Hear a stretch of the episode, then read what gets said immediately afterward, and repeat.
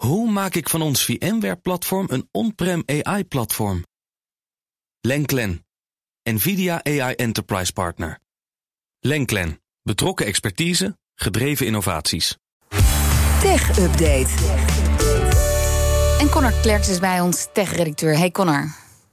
Dag Liesbeth, dag Kees. Ja, de cybercriminelen die, die uh, blijken heel erg actueel te werk te gaan. Want die hebben een nieuwe truc. Nepberichten ja. versturen over de energietoeslag. Ja, criminelen plunderen bankrekeningen door nepberichten te sturen over energietoeslag. Dat blijkt uit onderzoek van RTL Nieuws. En ze gaan hier heel sluw te werk. Want in eerste instantie krijgen slachtoffers een mail of een sms'je met een link om energietoeslag aan te vragen. En dat is iets waar natuurlijk veel mensen mee bezig zijn of ja. over nadenken door de krankzinnige prijzen momenteel. En dan komen ze als op die link klikken op een nepsite. Die lijkt op de site van uh, Mijn Overheid. Mm -hmm. En voeren ze dan uh, uh, gegevens in, zoals adres en rekeningnummer. En dan gaan de cybercriminelen je opbellen. Dan wordt het heel geraffineerd. Zogenaamd uit naam van de fraudeafdeling van je eigen bank. Ah. Om juist te vragen of jij net gegevens hebt ingevuld op een phishing site.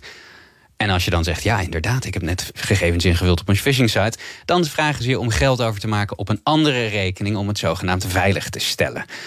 Dus uh, behoorlijk slinks. Ja. Uh, volgens RTL zouden er al honderden mensen op de knop uh, vraag energietoeslag aan hebben gedrukt. Maar het is niet duidelijk hoeveel mensen daadwerkelijk hun gegevens hebben ingevuld en ook, ook daadwerkelijk dus zijn opgelicht. Okay.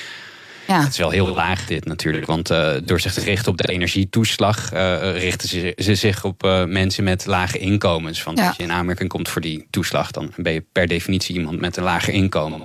Overigens, als je in aanmerking komt voor die energietoeslag...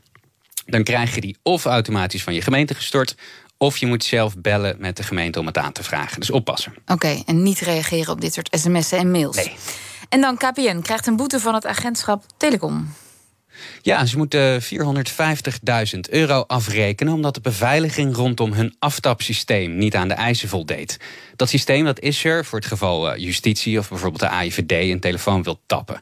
Aan de voorkant van het systeem was de beveiliging in orde. Dus mensen van buitenaf die konden er niet zomaar in. Maar intern was de beveiliging niet helemaal uh, in orde. Zo waren er bijvoorbeeld medewerkers uh, met toegang die niet hun eigen account hadden. Dus niet een persoonlijk account. Waardoor het niet te zien is welke medewerker welke wijziging aanbrengt in het systeem. En had niet iedereen met toegang tot dat systeem een verklaring omtrent goed gedrag. En dat is wel verplicht.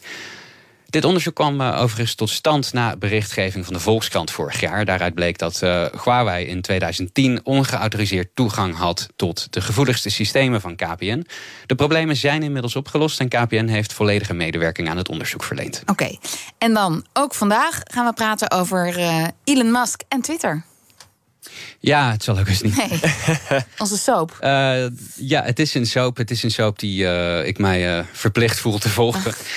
vandaag in het nieuws. De advocaten van Elon Musk hebben een nieuw document ingediend... bij de speciale rechtbank in Delaware... waar de rechtszaak over de koop van Twitter in oktober gaat plaatsvinden. En het is een nieuwe termination letter. Oftewel een geheel nieuwe reden... waarom Musk Twitter niet zou hoeven kopen. Hmm. Die brief is gisteren ingediend. vandaag openbaar geworden. En er staat in dat de onthullingen van Pieter Zetko, die klokkenluider, voormalig hoofdbeveiliging bij Twitter, een nieuwe reden zijn om van die koop af te mogen zien voor Musk.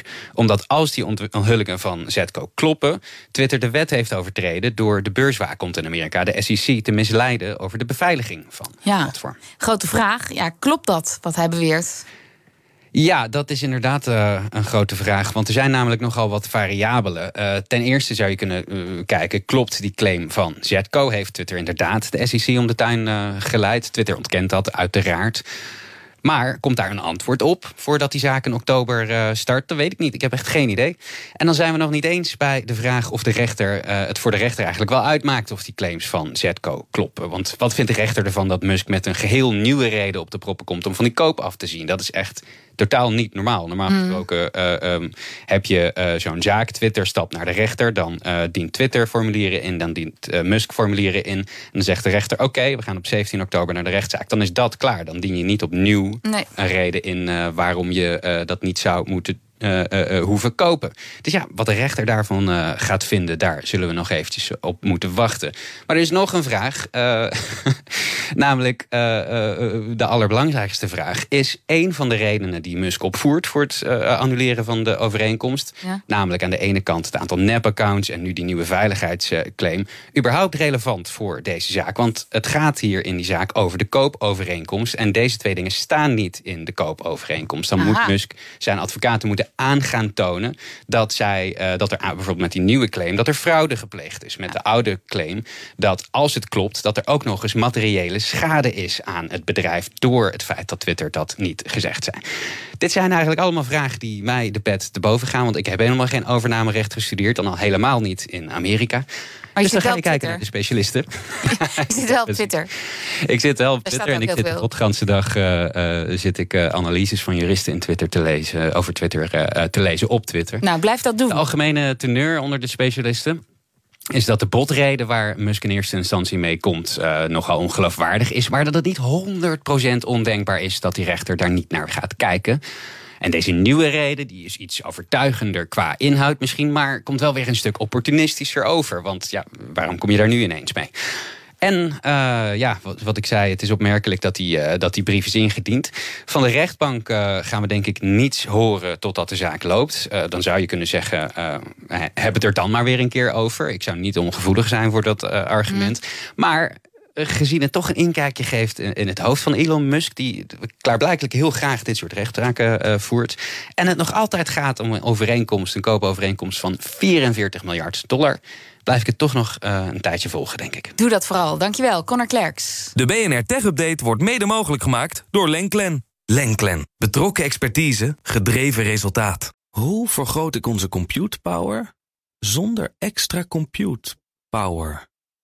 Lenklen. Hitachi Virtual Storage Partner. Lenklen. Betrokken expertise, gedreven innovaties.